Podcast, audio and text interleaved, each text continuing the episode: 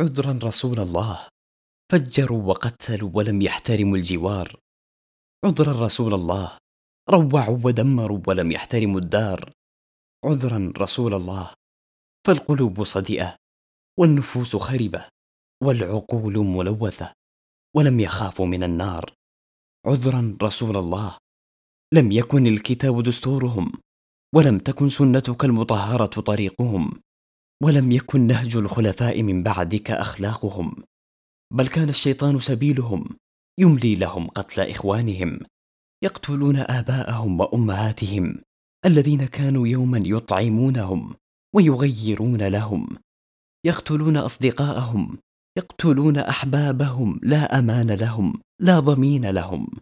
عذرا رسول الله قتلوا القائمين وقتلوا الساجدين. وقتلوا الصائمين وقتلوا الطيبين بزعمهم أنهم مرتدين بزعمهم أنهم ليسوا على الدين. عذرا رسول الله.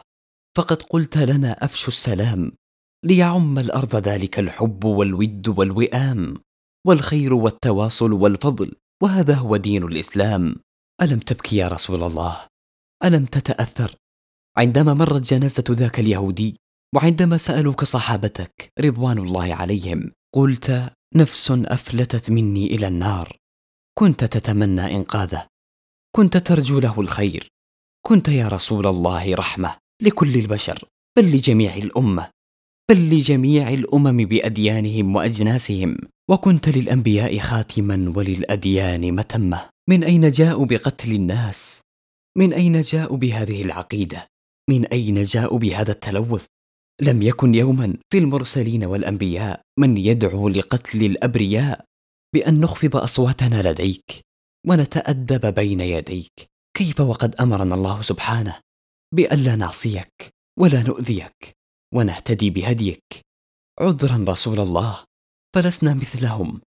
عذرا رسول الله فلسنا نحبهم.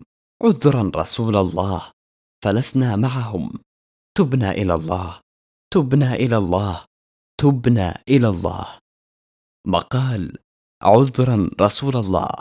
بقلم الكاتب حمزة عصام بصنوي. إلقاء صهيب الأشموري.